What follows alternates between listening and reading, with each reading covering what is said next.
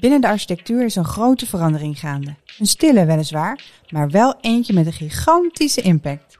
In plaats van dat architecten zich vooral bezighouden met nieuwbouw, werken ze steeds vaker aan renovaties, herbestemmingen en verbouwingen. Maar hoe doe je dat nou goed, voortbouwen op het bestaande? Hoe ga je om met de geschiedenis van de plek? Waar ken je waarde aan toe? En hoe neem je dit nu mee in een nieuw verhaal? In deze podcastreeks van drie afleveringen gaan Tracy en ik op zoek naar antwoorden. Mijn naam is Merel Pitt, ik ben hoofdredacteur van de Architect en naast mij zit journalist Tracy Metz. En vandaag nemen we alweer de laatste aflevering in deze serie op Tracy. Ja, ik vind het elke keer jammer dat het alweer afgelopen is. Zoveel te bespreken. Ja, ik ben blij dat je weer uh, er bent. En ik heb twee onderwerpen die ik uh, even met je wil bespreken voordat we naar onze gasten gaan. Referenties aan vervlogen tijden worden graag gebruikt in de architectuur. Ik woon in een jaren 30 wo uh, woning. Maar ja, in de, de nieuwbouwwijk verderop worden ze ook gemaakt. Wel anders, maar we, mensen houden daarvan, hè? Ja, mensen willen zich ergens aan, aan kunnen vasthouden. Een identiteit of iets lokaals of iets herkenbaars. Iets sentimenteels, iets nostalgisch. We hebben houvast nodig. En ik denk ook dat we vaak veel kunnen leren van wat het, hoe het toen is gemaakt. En dat het ook helemaal niet raar is om dan uh, dat opnieuw toe te passen. Tegelijkertijd zijn ook niet alle referenties in trek. Zo jaren 70, 80. Nee, dat hebben we nog niet in ons hart gesloten, hè? Nee, volgens mij ook niet. Zeker in al die uitbreidingswijken. Ik weet wel, mijn uh, vader heeft heel lang in Purmerend gewoond. Hoe vond hij het? Ja, daar denkt hij niet aan terug van, god, dat was daar mooi. Hij had heel veel interesse in architectuur. En ook, je kent ook de uitspraak, in Almere wil je nog niet doodgevonden worden. Ja, vind ik ook weer eigenlijk heel gemeen. Ja. Want als je daar opgroeit, weet je niet beter en daar, daar hecht je je aan. Maar het is absoluut waar dat in de jaren 80, 90 hadden we kennelijk grote moeite om plekken te maken waar mensen een emotionele binding mee hadden.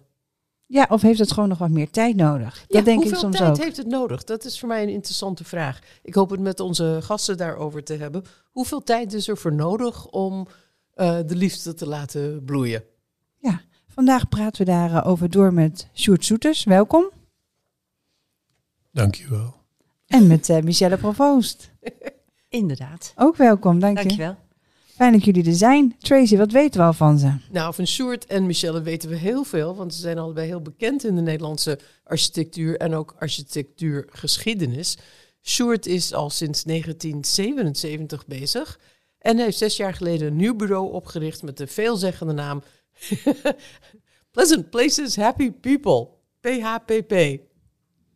Ja, dat is een uh, uh, uitgangspunt, uh, want ik veronderstel dat die twee dingen met elkaar te maken hebben. Ja, ja ik vond het heel mooi dat je ik, dat ik ook tot de naam van je bureau hebt gemaakt. Ik vind het eigenlijk verwonderlijk dat dat als hoofddoelstelling nauwelijks bestaat in de architectuur. Ja, nou daar gaan we het zo over hebben, Architectuur gaat over beeld en over abstractie en over avant-gardisme enzovoort. En niet over happy people. Niet over happy, happy, happy. Er zijn altijd referenties naar het verleden in jouw werk. We kennen uh, het stadhuis en het hotel in Zaandam, de hedendaagse Phoenix-kastelen van Haverlei. Uh, en je bent ook co-architect van de Johan Cruijff Arena geweest. Ja, dat was een uh, politieke samenloop van omstandigheden. Oh, een jeugdzonde. Ik, nee, dat niet. Maar de, de, de, de, arena moest op een gegeven moment gebouwd worden. En dat stond voor de helft op het gebied van Ouder Amstel.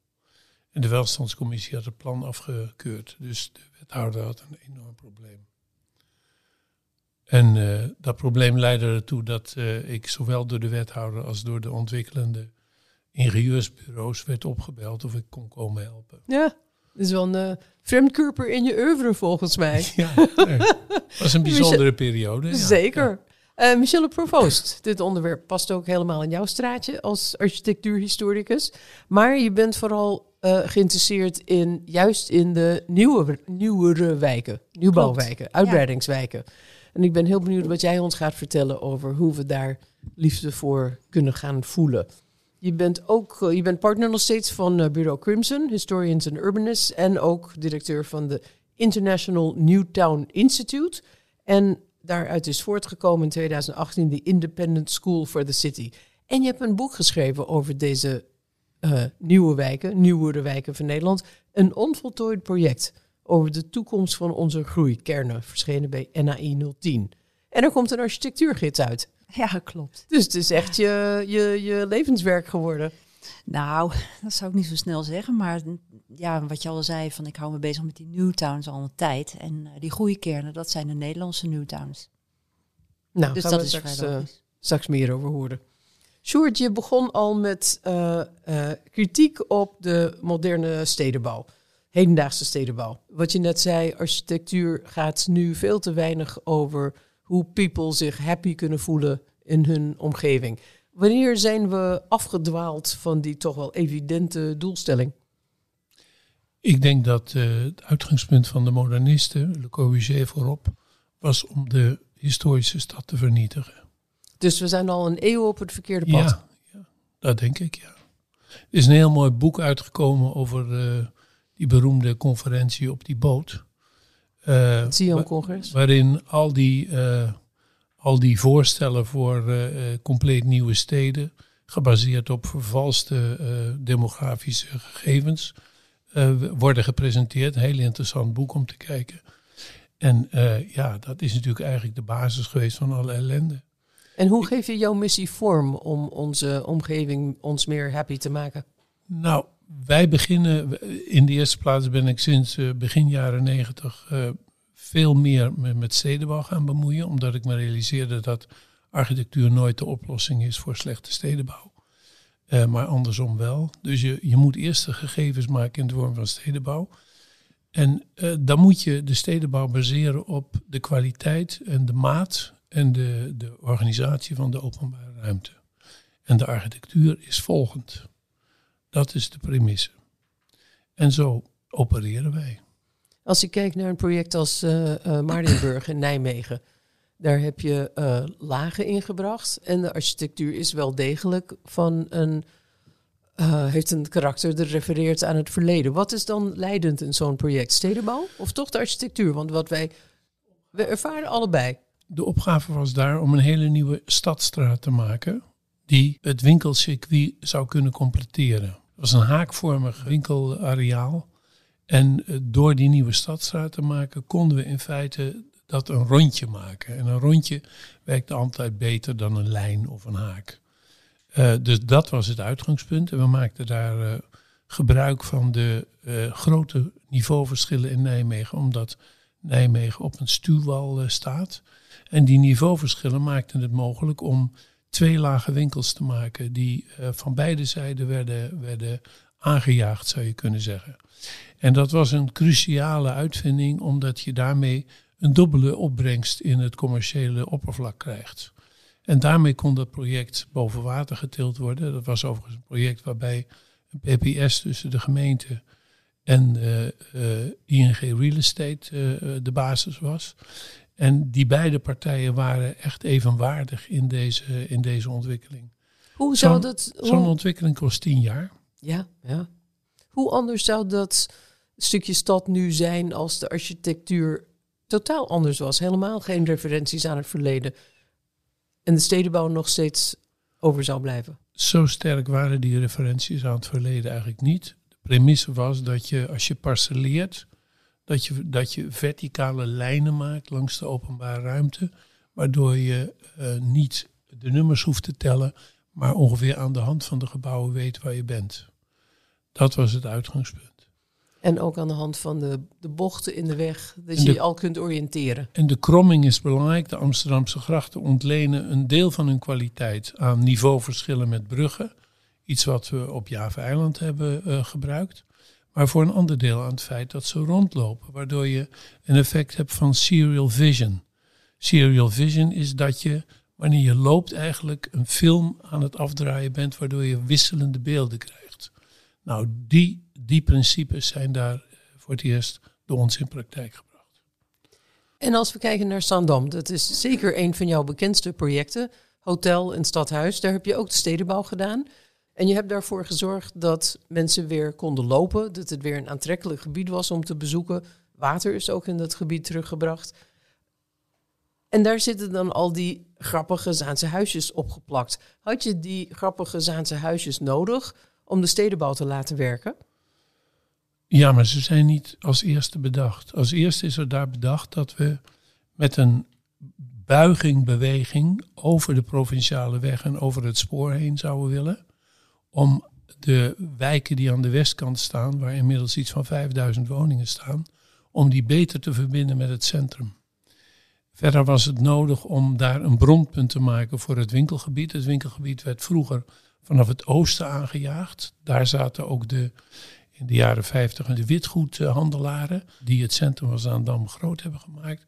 En aan de westkant, bij het station, was het gewoon dood en werkte het niet. Dus door daar drie garagelagen te maken voor een enorme hoeveelheid auto's, konden we een nieuw bronpunt maken en konden we de, de aanblazing van het centrum vanaf het westen doen.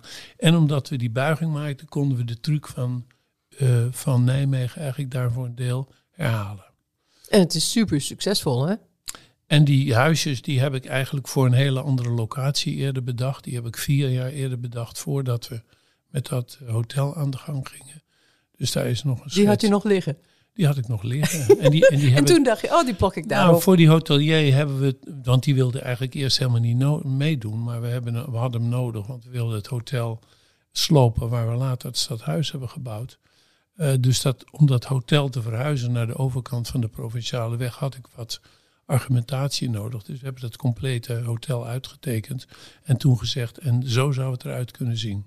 En als we het hebben over bouwen met geschiedenis, het thema van deze reeks, bouw je daar met geschiedenis of is de geschiedenis een leuk behangertje dat je erop hebt geplakt? Voel je je echt zaankanter als je die Zaanse huisjes daarbij in Verdam ziet? Nou, dat heeft een hele levendige, levendige discussie in het Zaanse opgeleverd. Waarbij de echte Zaanse houtbouwers natuurlijk mij verweten dat het allemaal nep was. Maar ik zei tegen ze, dat kan wel zo zijn jongens.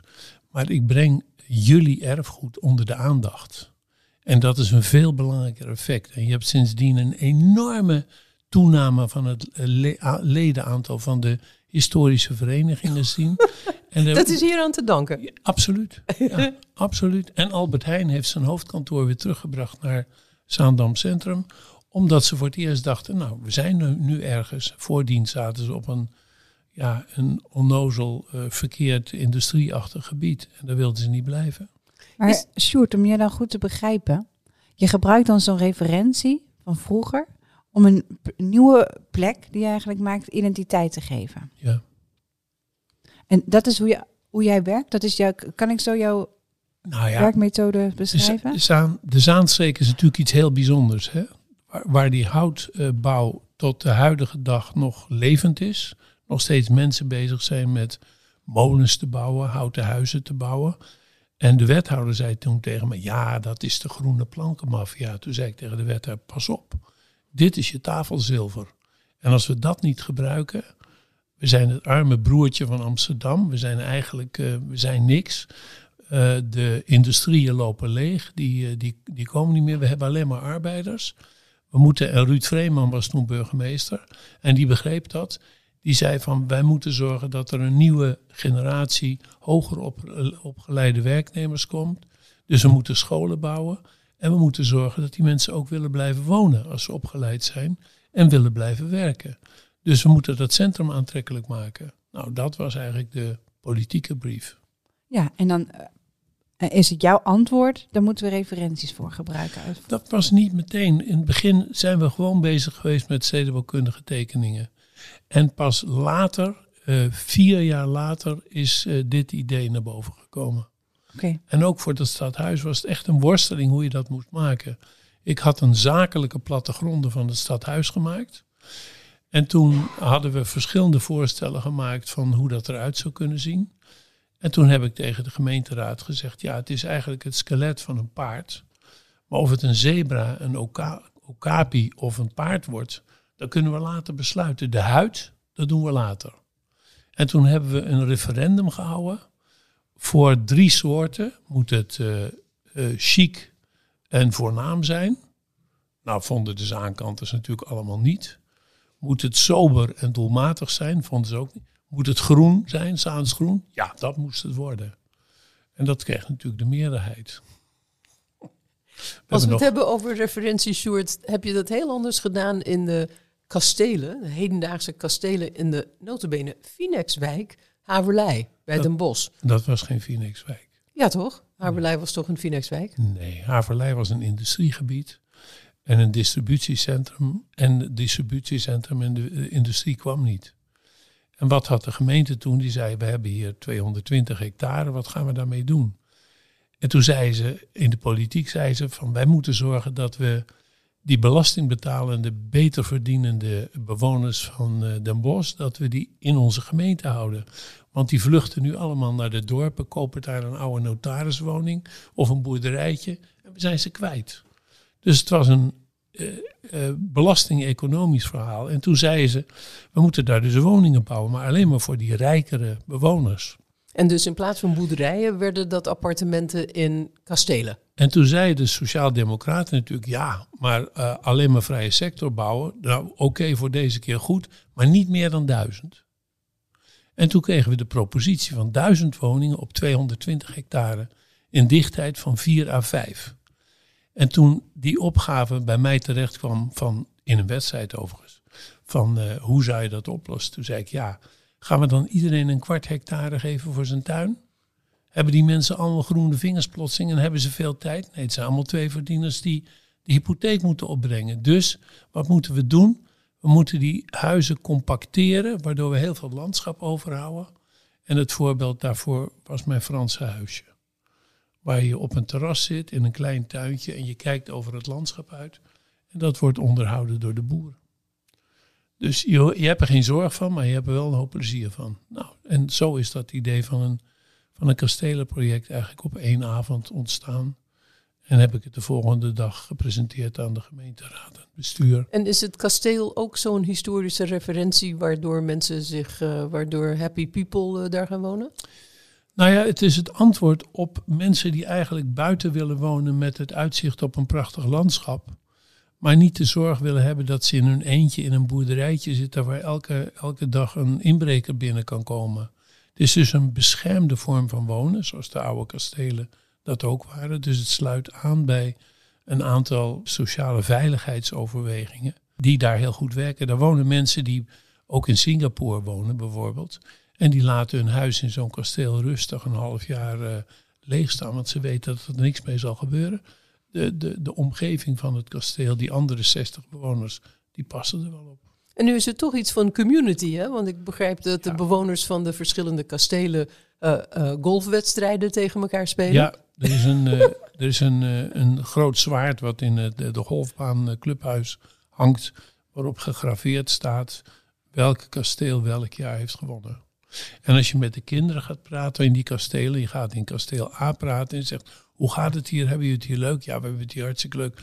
Doen jullie eens wat met de kasteelkinderen van B of C? Nee, dat zijn de anderen. Dus eh, identiteit. Misschien niet meest positief, maar wel aanwezig. Toch ergens een sense of belonging. Ja, ja. Is het überhaupt mogelijk volgens jouw soort om iets nieuws te bouwen wat kan wedijveren met de charme en aantrekkingskracht van de oude stad? Nee, het is wel belangrijk en mogelijk om die oude stad eh, niet alleen maar te beschadigen met nieuwe gebouwen, maar gebouwen te maken die passen in de oude stad. Zoals Adolf Loos al schreef, dat als je een huis bouwt in de stad, moet het lijken uit het, aan het, op het huis links en op het huis rechts. En architectuur met die grote A is voor die graapdenkmalen en die palesten. En dat is een heel wijs woord, denk ik. Zijn we dat kwijtgeraakt een tijdje? Nou ja, we hebben natuurlijk. Kijk, in Delft werden mensen gebrainwashed om modernist te worden. Eh, in Eindhoven hadden we het voordeel dat we die brainwashmachine niet hadden. Dus wij studenten eh, werden aan het werk gezet om zelf na te denken. Ja, we hadden John Habraken die graag wilde dat we het woningvraagstuk via moderne, eh, moderne technieken en modern denken op, oplosten. Maar ehm, eh, bijvoorbeeld Jo Koenen en ik hebben eigenlijk heel veel gelezen. eh, boeken gelezen. Ik heb, heb daar negen jaar gestudeerd. Ik heb daar ontzettend veel boeken gelezen over architectuur en stedenbouw. En dus we hebben onszelf opgeleid of we hebben geleerd hoe je moet leren. En dat is een ander systeem geweest dan, dan Delft, denk ik. En dat ligt aan, aan de basis van eh, dat wij andere koersen hebben gevaren. We zullen wel echt nieuw moeten bouwen, alleen om aan de woningcrisis tegemoet te komen, die nu echt eh, Ja, enorme vormen heeft aangenomen. ja. Waar gaan we dat doen? Nou ja, waar gaan we dat doen? Kijk, voor een deel kun je dat eh, doen op wat ze in, in Engeland noemen brown, brownfield. Dus op industriegebieden die te dicht bij de stad liggen om nog goed te kunnen functioneren. Kijk naar de hele noordkant van het IJ in Amsterdam. Kijk naar hele grote stukken van Rotterdam. Maar daarmee eh, is onderzocht dat je daarmee misschien de helft van de woningopgave zou kunnen oplossen. En omdat dat eh, oude gebieden zijn en dus moet worden omgezet, zijn dat lang, langzaam lopende processen. Mijn proces in Holland Park, acht jaar 2300 appartementen, dat zou je in Amsterdam niet voor elkaar kunnen krijgen. De wethouder kwam daar kijken en die schudde zijn hoofd en die zei, dat krijgen we in Amsterdam niet voor elkaar. We hebben te veel ambtenaren die allemaal aan de kar hangen. Iedereen wil er zijn plasje over doen. Dat vertraagt enorm. We hebben ook een, een enorm tekort aan ambtelijke eh, ondersteuning, denkkracht op het moment. Heel veel ervaren ambtenaren zijn er met de financiële crisis uitgegaan. Het is allemaal aangevuld met jonge mensen die het nog nooit gedaan hebben. Twijfel eh, regeert, zou je kunnen zeggen. Dus alle apparaten in alle steden die ik meemaak, die zijn zwaar under-equipped. Zowel kwalitatief als kwantitatief. Dat is een van de problemen die er is. Die meneer, meneer de jongen niet weet hoe erg dat is. Dat is vreselijk. Maar ehm, de andere helft moet je natuurlijk, daar moet je grond voor vinden, buiten die eh, al eh, ooit bebouwde gebieden. En de grote bedreiging is daar dat je, eh, dat zie je nu ook verschijnen, dat je een soort barakkenkampen ziet verschijnen. Gewoon rechte woningrijtjes die nog langer waren, worden dan in de wederopbouw. En die gewoon rechtop, rechtdoor enzovoort. En dus in mijn ogen zijn de nieuwe fabrieken voor standaardwoningen, die al die grote bouwers aan het bedenken zijn, of ze nou van hout zijn of eh, cementachtig, maar dan met een CO2-uitstoot die gereduceerd is, dat is allemaal hartstikke goed. Maak standaard eh, plattegronden, maak standaard eh, woningen, uitstekend. Maar zorg er dan wel voor dat je goede stedenbouwkundige plannen hebt waarin je die dingen kunt plaatsen. Want waarom zouden architecten nog steeds de standaard doorzonwoning moeten tekenen met de entree, een wc, een trapje omhoog, een woonkamer en een keuken achter eh, de trap en de wc? Dat hebben we natuurlijk sinds de wederopbouw altijd gemaakt. Je kan wel blind de weg vinden in die woningen. Dat Ja. is fijn. Je weet hoe het is. Ja. Ja, je weet, Maar je weet geldt- meteen waar de wc is. Dat geldt ook voor de grachtenhuizen in Amsterdam. Je weet ook precies hoe de trap erin zit en waar de, waar de binnenhof is en waar het achterhuis is. Dus de, die standaardisering is op zich goed. Maar als je die standaardisering doet zonder goede stedenbouwkundige plannen, wordt het waardeloos. Heb jij het gevoel, Sjoerd, dat jouw architectuurhouding nu eh, uitgedragen wordt? Nu veel meer architecten bezig zijn met renoveren, eh, verduurzamen, eh, eh, geschiedenis in hun werk inbrengen? Komt je gelijk naar je toe? Nou, dat weet ik niet. Dat, daar, dat toets ik ook niet. Ik heb me nooit zo bezig gehouden met wat anderen doen. Werk je zelf aan renovaties en uitbreidingen en verbouwingen? Nee, eigenlijk weinig. Allemaal nieuwbouw doen. Weinig. Weinig, ja. Er komt natuurlijk een enorme eh, opgave op ons af. Allemaal jaren 60, 70, 80, wat eh, eh, aan vernieuwing toe is en ook duurzaam gemaakt moet worden. Ja. Niks voor jou. Nou, dat zie ik niet als mijn eh, leukste werk. Nee, nee. Ik ben natuurlijk al 25 jaar bezig met de arena, die we ook weer hebben uitgebreid en vernieuwd. En we die permanent van nieuwe, eh, nieuwe functies hebben voorzien. Maar in, in de woningbouw, nee, daar- eh, daar zijn we eigenlijk niet eh, bij betrokken bij dat soort projecten. Sjoerd, we komen straks een beetje aan het einde van het gesprek. En ik zit nog steeds te denken, we hebben je ook uitgenodigd vanwege de referenties die je gebruikt in je architectuur. Maar we praten daar nou eigenlijk niet echt over. Nee. Dus ik, ik vroeg me af, Michelle, eh, als jij als architectuurhistoricus kijkt naar het werk van Sjoerd, Ehm, herken je die referenties die Tracy en ik zien? Ja, natuurlijk, maar je hebt het over Zaanstad gehad en daar is het natuurlijk heel duidelijk eh, hoe dat eh, zit.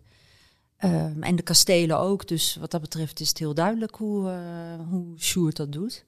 Ik moet zeggen, als ik daar als architectuurhistoricus naar kijk, dan... ehm, kijk, dat, het is voor mijn gevoel nog steeds op het cynische af hoe, dat, eh, hoe die stijl toegepast wordt.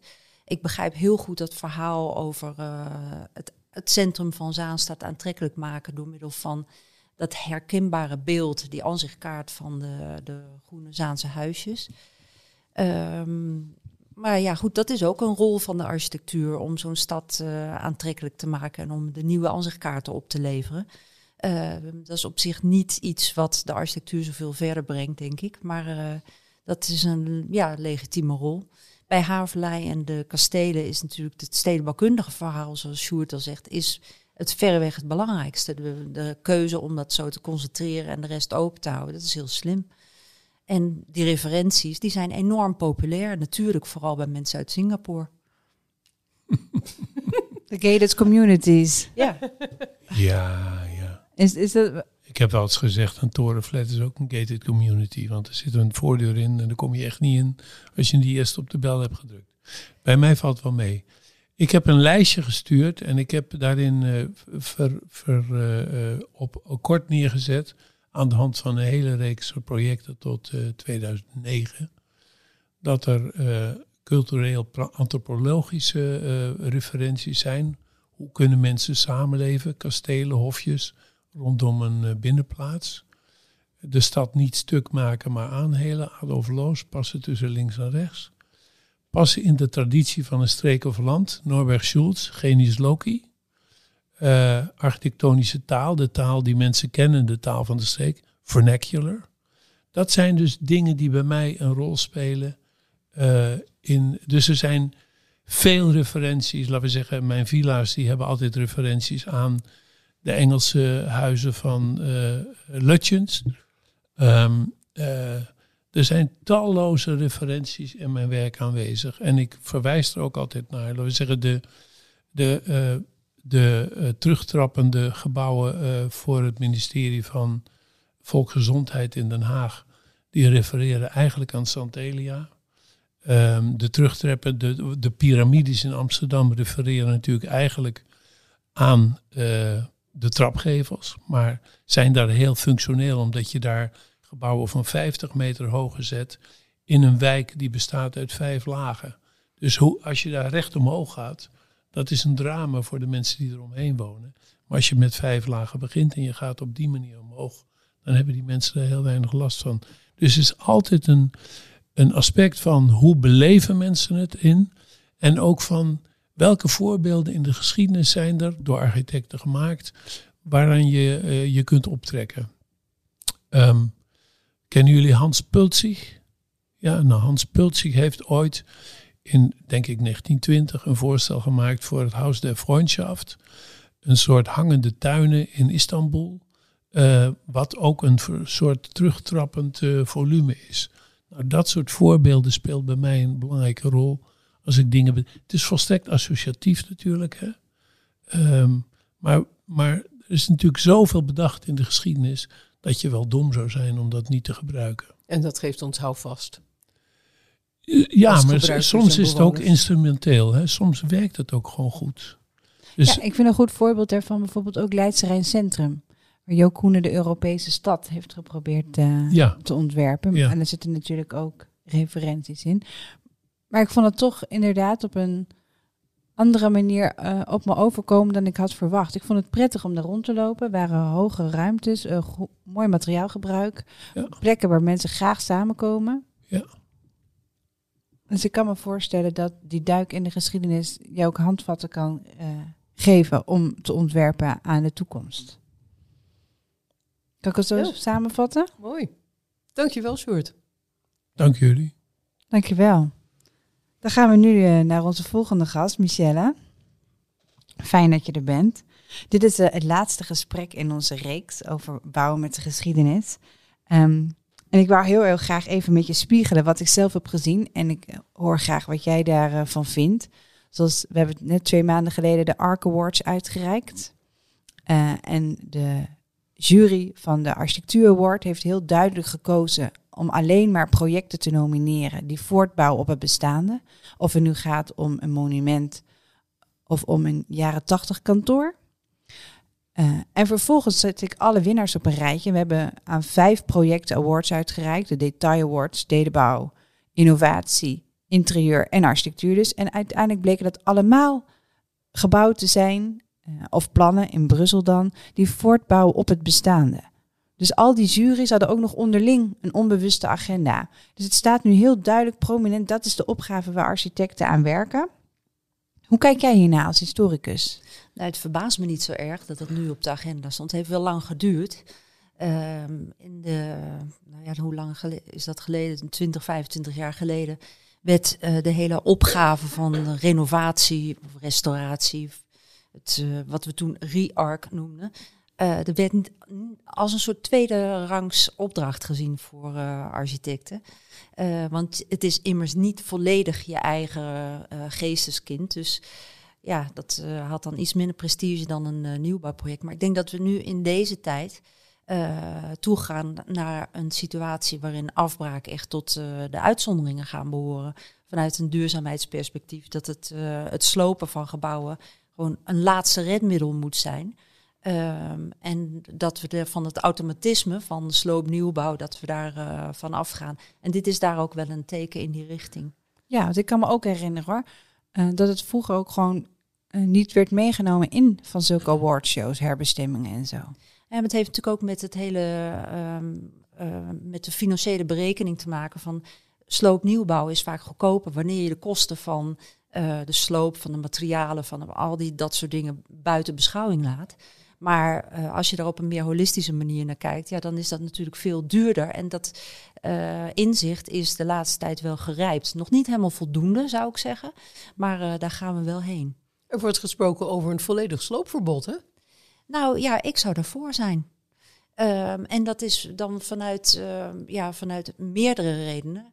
Um, natuurlijk vooral die duurzaamheidsgedachte het uh, produceren van materialen en uh, dat, we weten inmiddels, uh, het is elke dag op tv, wat dat voor belasting voor het milieu oplevert.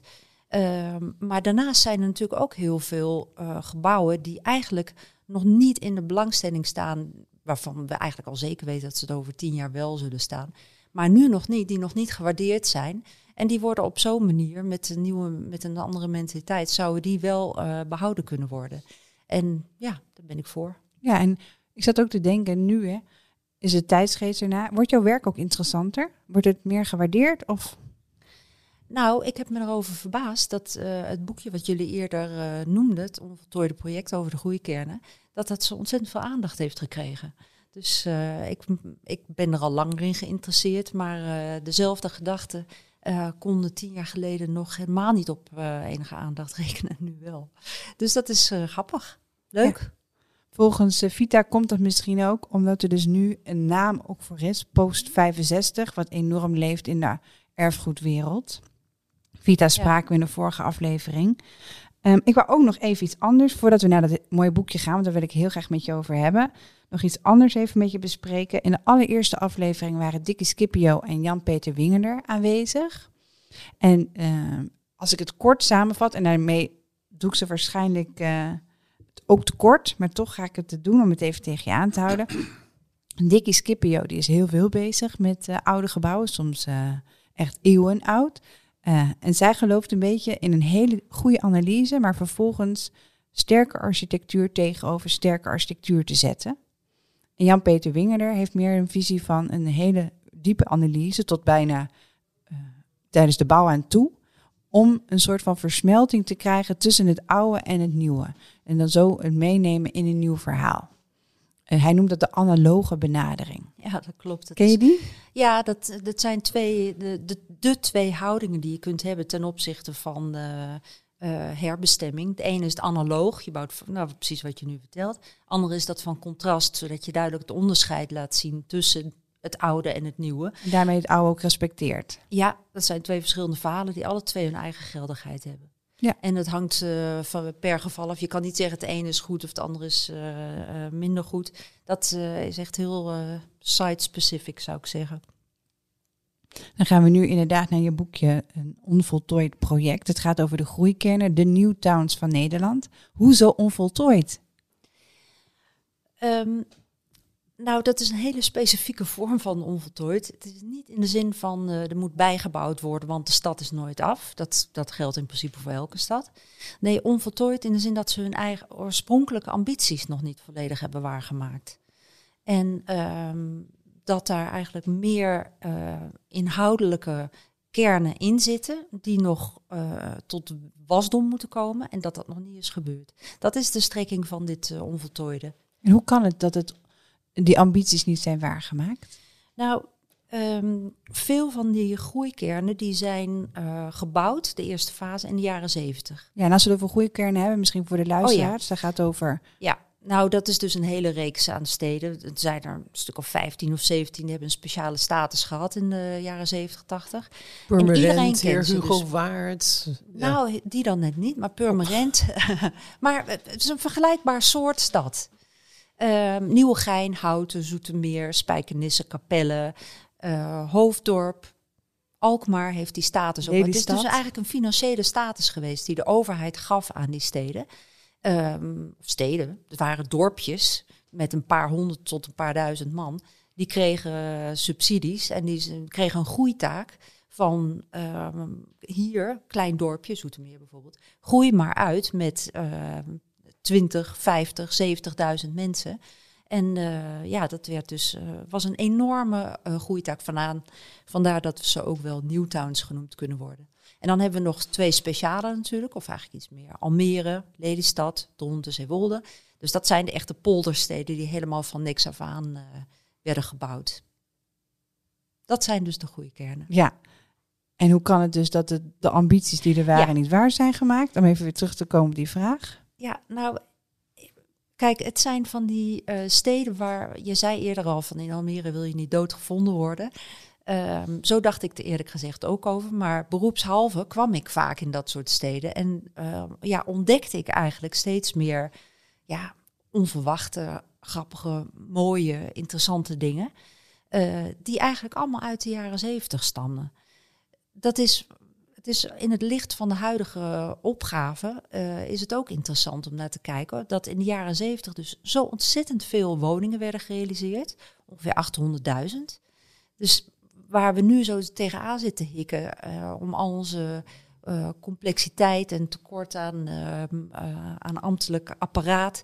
Ja, daar was toen kennelijk geen sprake van. Er werd gewoon uitgerold en gebouwd.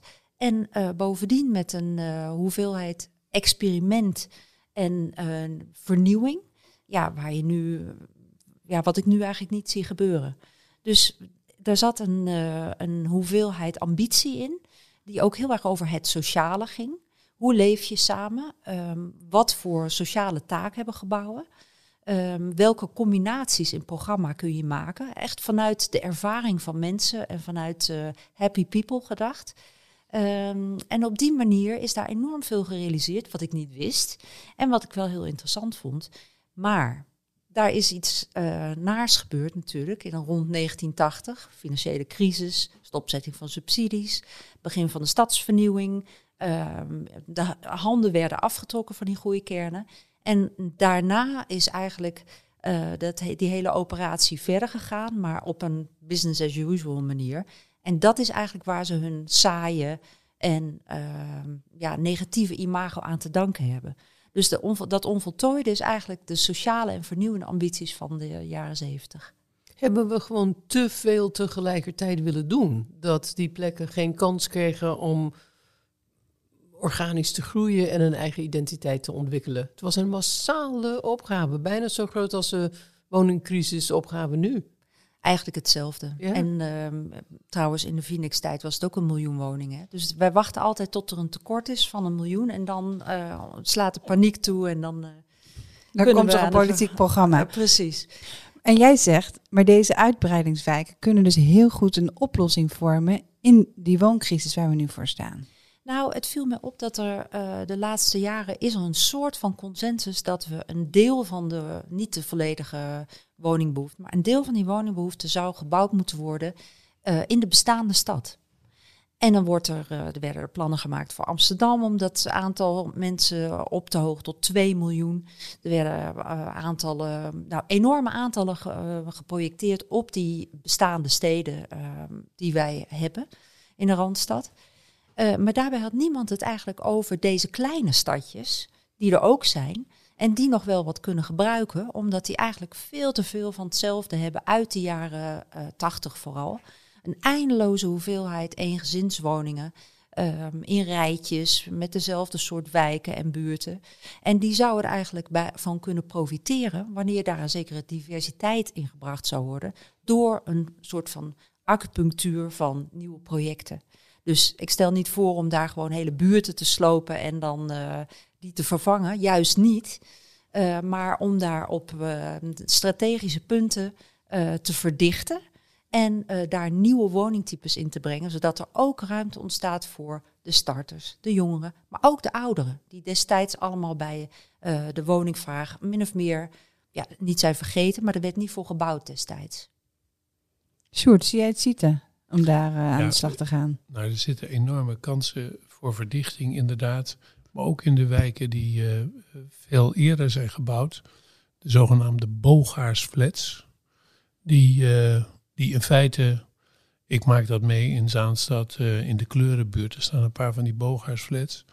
En daar is het dilemma dan, gaan we ze renoveren? Dat kost dan een ton per appartement. Of gaan we ze slopen en gaan we verdichten op een andere manier? Want die booghuisflats die zijn dan uh, 10, 11 lagen hoog en 100 meter lang. En die hebben een tussenruimte van 100 bij 100. Dus daar is echt uh, de vraag van kun je niet veel efficiënter en beter met die ruimte om, omgaan door lager te bouwen, maar wel dichter op elkaar en, enzovoort enzovoort. Dat, daar zit, laten we zeggen, omdat al die flatgebouwen over het algemeen in corporatiehanden zijn, zit daar een enorme sleutel voor verdichting en voor vernieuwing.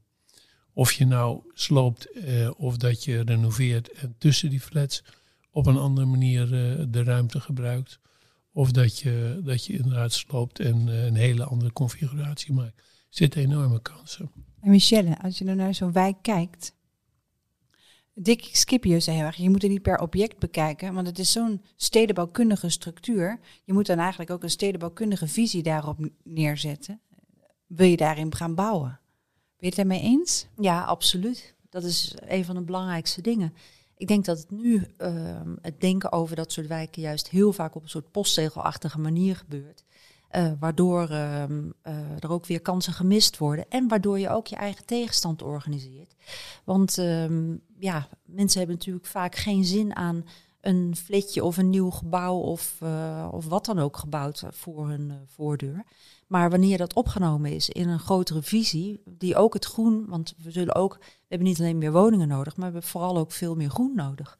Dus wanneer dat, uh, dat moet allemaal gebalanceerd samen worden gebracht. Dus het begint inderdaad bij het stedenbouwkundige verhaal. Die stedenbouw is daarom ook belangrijk. Als je goed naar elke woonwijk in Nederland kijkt, dan woont iedereen eigenlijk op een soort parkeerplaats. En daar zijn die woningen, laten we zeggen, die woningen zijn in de tijd gebouwd dat het aantal auto's per bewoner heel laag was. Maar die, die gebieden zijn helemaal volgelopen met auto's. En dus stedenbouw is heel belangrijk om een nieuwe oplossing te bedenken, ook voor de druk van uh, geparkeerde auto's en hoe je dat moet oplossen. Misschien door intelligente uh, mobiliteitsscenario's in te brengen of wat dan ook. En nog iets anders, uh, dat soort wijken, kijk naar Almere Haven of dat soort gebieden. We zijn daar wel eens mee bezig geweest. Die zijn in één keer gebouwd voor één categorie woning, uh, bewoners. Gezinnen. Gezinnen uh, in, de, in de lagere inkomensklasse, dat hoorde bij die periode. En wat gebeurt er dan? De mensen die carrière maken, die gaan ergens anders wonen. En de mensen die geen carrière maken, die blijven daar. En er komen meer mensen bij die ook geen carrière maken. En na 40 jaar zijn de kinderen weg. En dan zitten al die mensen in een doorzonwoning met een mager pensioen. Dan zakken de, uh, zakken de, uh, de commerciële voorzieningen door hun hoeven. En dan, dan moet je dus iets bedenken hoe je dat weer overeind kunt krijgen. Dus inderdaad, verdichten en nieuwe categorieën toevoegen is heel belangrijk. Ook voor het culturele en het commerciële eh, apparaat wat daarbij hoort. Dus het is heel belangrijk om daar goed over na te denken. Nou, we zijn het eens. Had je niet verwacht, Michelle? nee, Waarom had je dat nou niet verwacht? we zijn nooit ergens over eens, Sjoerd. Nee, maar dat is geen, dit is geen stijldiscussie. Dit nee, is dit is eigenlijk ook een, het is een open deur. Ja, dus als je dat niet doet, ben je helemaal, ben je helemaal gek. Maar over stijl gesproken, Almere Haven is natuurlijk eh, eh, zo'n beetje het eerste, een van de eerste voorbeelden van eh, een, een gebied wat helemaal nieuw werd gebouwd met historische referenties. Hè. Dat ziet er natuurlijk uit als een grachtje met eh, trapgevels, wel in beton uitgevoerd, maar het lijkt toch op een, eh, ja, een historisch eh, stadje. Maar wat ik, een van de dingen ehm, wat ik nog even wilde zeggen over de, ja, eigenlijk wat over dat onvoltooide. Ehm, een van de dingen die eigenlijk een beetje verloren is gegaan uit de jaren zeventig en waar we toch even over moeten nadenken hoe dat verder zou moeten. Dat zijn de experimenten, nou bijvoorbeeld ook waar Herman Hertzberger aan heeft gewerkt. Die heeft het eh bejaardentehuis in Almere Haven gebouwd. En dat is dus heel anders dan eh, die in de jaren zestig had je van die grote eh, torens met ehm, ja, allemaal identieke kamers. En daar is het een alternatief voor, wat veel meer een soort van huiselijke omgeving biedt. Ook door een combinatie van allerlei soorten ruimtes voor die ouderen. Met een, een zitje en een bankje buiten de deur. En een soort veel menselijker omgeving. En ehm, juist al dat soort gebouwen die in de jaren zeventig ontstonden met een mix van functies, van programma's, die echt een nieuwe eh, ervaring voor eh, de gebruikers opleverden. Ja, dat zijn nu eh, gebouwen die heel lastig zijn in de financiële systemen die we nu hebben. En die er daarom aangaan. En dat zou ik heel jammer vinden als dat ver- verdween. Ja, eigenlijk, jij zegt die kwaliteit zit heel erg in die restruimte buiten de woningen. En ja, dat is natuurlijk nu in dat financiële model heel moeilijk rond te krijgen. In de restruimte, maar ook juist in de overlap. Oh, dus in de overlap die je hebt bijvoorbeeld tussen een, eh, een theater, een café en een kerk. Dat zijn de soort programma's die in de jaren zeventig eh, werden eh, Gecombineerd. gecombineerd. Ehm, en dat is natuurlijk de grote voorloper eh, nou, zeg maar van Klingeren met de Meerpaal en Dronten. Dat is het meest extreme voorbeeld. Maar een heleboel gebouwen uit de jaren zeventig zijn dus ook met zo'n combinatie van programma's gebouwd. En ja, dat leverde enorm veel op. Alleen kennelijk lastig om binnen de subsidieregelingen, om binnen de financiële systemen te handhaven. Dus die zijn zo successievelijk eh, verdwenen. Maar het is wel een vorm van stedelijkheid die we eigenlijk allemaal heel erg op prijs stellen En een tegenwoordig. café en een kerk, dat is toch van alle tijden. Wat wil je nog meer? Ja, dat is het hele leven bij elkaar. Precies. Nou ja, en daar zit dus ook het bijzondere van die post-65 architectuur, wat ik eh, zelf niet zo erg wist voor de tijd. Eh, maar waarvan ik hoop dat dat op genoeg lijstjes en genoeg netvliezen komt te staan. Om eh, de dreigende eh, sloop daarvan, want overal is natuurlijk vraag naar verdichting, eh, te voorkomen. En ehm, die gebouwen staan vaak op cruciale plekken ook in de buurt of in de wijk. Hè. Maar ze waren natuurlijk als gemeenschappelijke voorzieningen bedoeld. Dus kunnen die, dit is iets waar we nu ook weer heel veel behoefte aan hebben, aan die gemeenschappelijkheid, aan plekken daarvoor. Kunnen we die dan niet herbestemmen voor dat soort programma's? Ja, een tweede leven wens je ze toe. Ja, Ja. Ik moet ook elke keer denken aan eh, iemand die ik ken, die werkt aan een groot onderzoek in Nijmegen.